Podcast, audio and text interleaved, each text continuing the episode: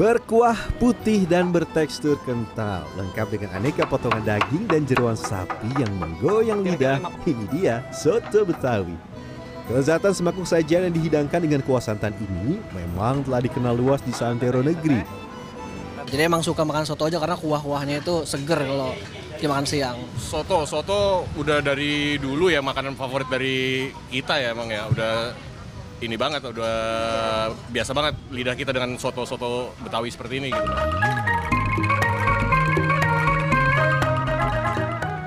Dari restoran sampai warung kaki lima menjajakan aneka varian soto Betawi. Salah satu yang melegenda di kalangan pecinta kuliner Nusantara, oh ya ini, warung soto Betawi yang ada di kawasan Pasar Baru, Kecamatan Sawah Besar, Jakarta Pusat. Sama seperti pedagang soto kebanyakan, sedari subuh aktivitas telah dimulai. Kami berangkat menggunakan sepeda motor ke Pasar Karanganyar, Jakarta Pusat. Numpang bentar ya Pak. Semua kebutuhan baik sayur sampai daging dibeli di sini. Sehari bisa berapa kilo bang ngambil daging? Kalau daging Pak Adi, Tiga setengah kilo. 35 Buset. 35 kilo tiap hari. Daging doang. 35 kilo. Waduh banyak banget ya. Wah sampai kenyang-kenyang tuh 35 kilo loh. Tadi saya pikir tiga setengah tuh tiga setengah kilo, ternyata 35 35 kilo. Selanjutnya kita beli daging ayam untuk diolah menjadi sate. Sekali berbelanja, kami membutuhkan 10 kg daging ayam tanpa tulang. Jangan lupa beli tusuk sate, tahu, lontong, sampai mie kuning.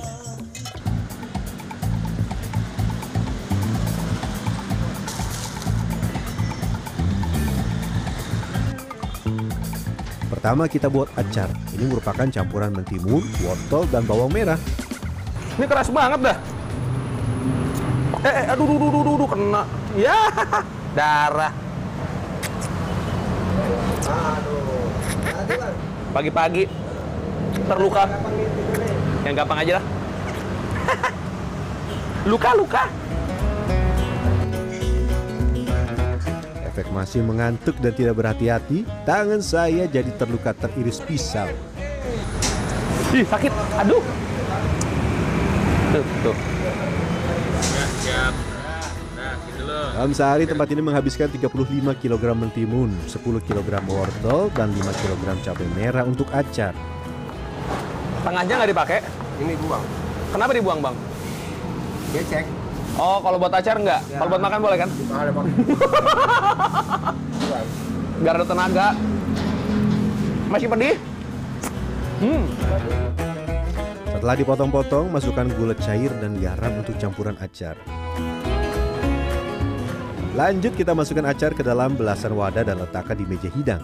Dan untuk jualan di pagi hari, saya buat terlebih dahulu kuah soto yang dicampur bumbu halus seperti jahe, lengkuas, bawang merah dan putih, cabai merah, kacang mede sampai kemiri. Sambalnya Lanjut kita siapkan cabai. Nah, setiap hari setidaknya 6 kg cabai rawit merah ludes disantap pengunjung. Yang ini belum? Sendokin dulu sebelumnya. Kenapa? A? Soalnya kan ini panas, takut nanti dia terlalu panas nanti. Oh, sama kayak bikin kopi. Iya. Jadi ibaratnya kalau mau ditaruh di yang beginian, dikasihin sendok dulu biar nggak pecah. Iya gitu. Jadi penawar lah. Saya pikir mah cuma buat bikin kopi, sambal juga sama ya. Aduh panas. Jangan lupa siapkan juga kecap. Soalnya kalau soto tidak pakai kecap, wah, ada yang kurang. Tahap berikutnya siapkan tomat untuk pelengkap sajian soto. Setelah selesai, kita persiapkan menu utama kita, daging dan jeroan. Permisi. Permisi. Satu, dua, tiga. Oke. Wah, tadi kata abangnya kalau lagi rame-ramenya sehari bisa habis 50 kilo. Ini beli 35 kilo aja udah. Uh, mantap. Masukkan bumbu halus dan juga santan untuk kuah soto Betawi. Santan tidak hanya membuat kuah soto menjadi lebih kental, namun juga menambah cita rasa menjadi semakin gurih. Total terdapat 30 butir santan kelapa yang dipakai di satu kuali besar ini. biar gurih. Ya ini ciri khas soto Betawi dengan kuah putih dan tekstur sedikit kental. Aduh, jadi lapar aing teh, lapar pisan euy.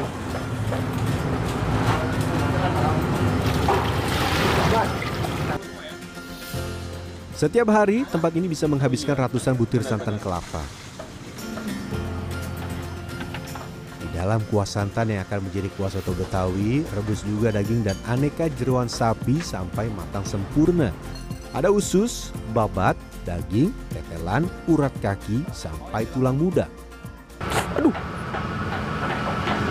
Kompornya nyala, Bang. Oh iya, panas euy. Ini panas. Udah kena bisa. Kena panas ya kompor. Ya ayah, wae. Kalau sudah matang, potong kecil-kecil daging dan jeruan. Per porsi mendapat sekitar 25 potong daging dan jeruan. Wah, kayaknya ada satu yang terlupa. Parunya belum saya goreng semua. Sehari ada 15 kg paru ludes terjual.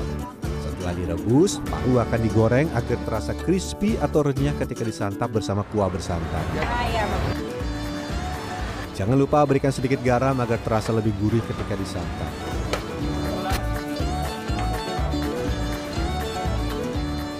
Waktunya saya melayani pelanggan.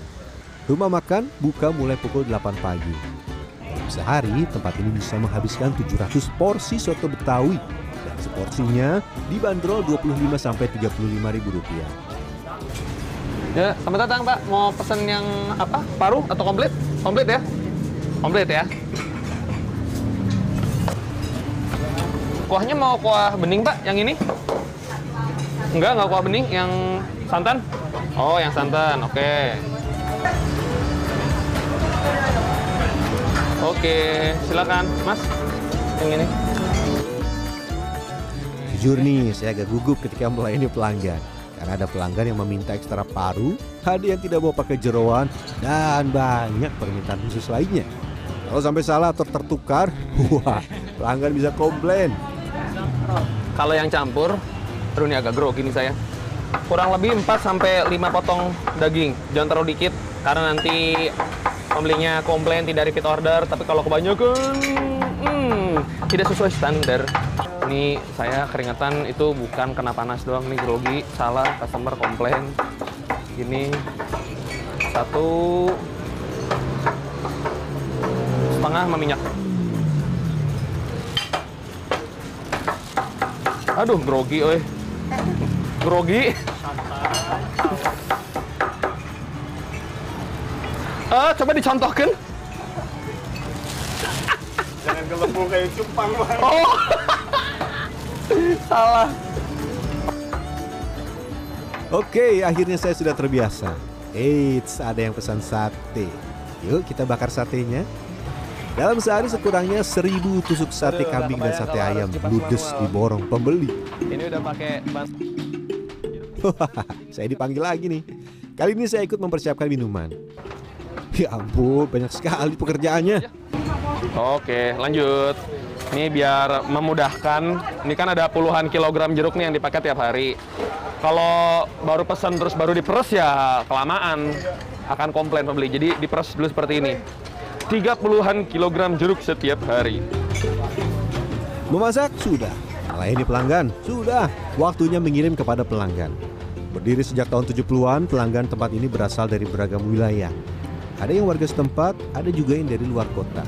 Pas, Yuk. kalau nganter ini ke pelanggan kita di Jatinegara ya. Jatinegara ya. Ya udah, ntar minta nomornya di Tadi nomornya udah di aku WhatsApp, tinggal telepon aja, telepon. kantor atau ke rumah. kamu kantor sama takut telepon ya. Siap. Siap kantor ya. Oke.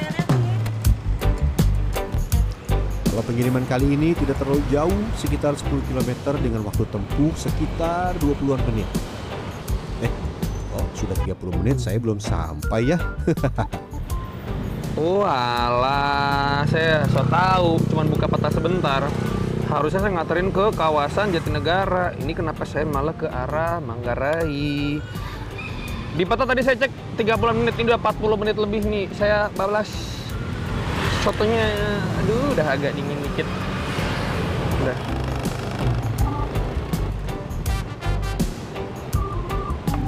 Misi mbak.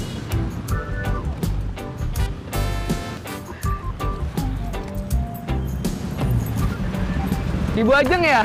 Maaf ya Bu, tadi kesasar muter. Ya, makasih ya Bu. Mari, mari.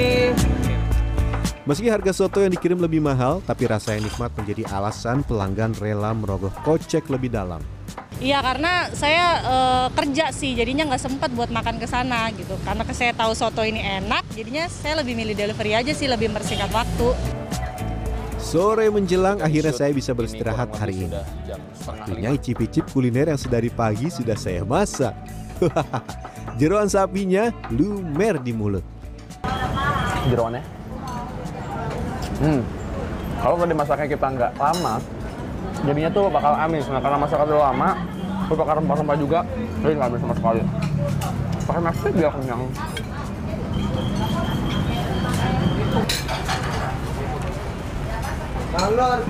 Oke, bukan Rian Fernando kalau makannya tidak nambah. Hmm, coba ini iganya. Kita tes ya, iganya empuk atau enggak ya? Ya, langsung copot. Valid. Tes, tes. Empuk. Hmm. Wah, enak banget, Pak. Dalam sehari tempat ini bisa meraup omset 25 juta rupiah. Iya, per hari. Tapi harus konsisten menjaga kualitas makanan agar semakin banyak pelanggan. Dan harus siap bangun sejak pagi menjelang sampai matahari terbenam. Masuk pintar-pintar menyiasati bila harga bahan pokok tengah melejit tajam. Waktu cabe, ya lumayan juga ya. Karena biasa sa- eh, satu hari cabe eh, 30.000, kemarin 100.000 lebih.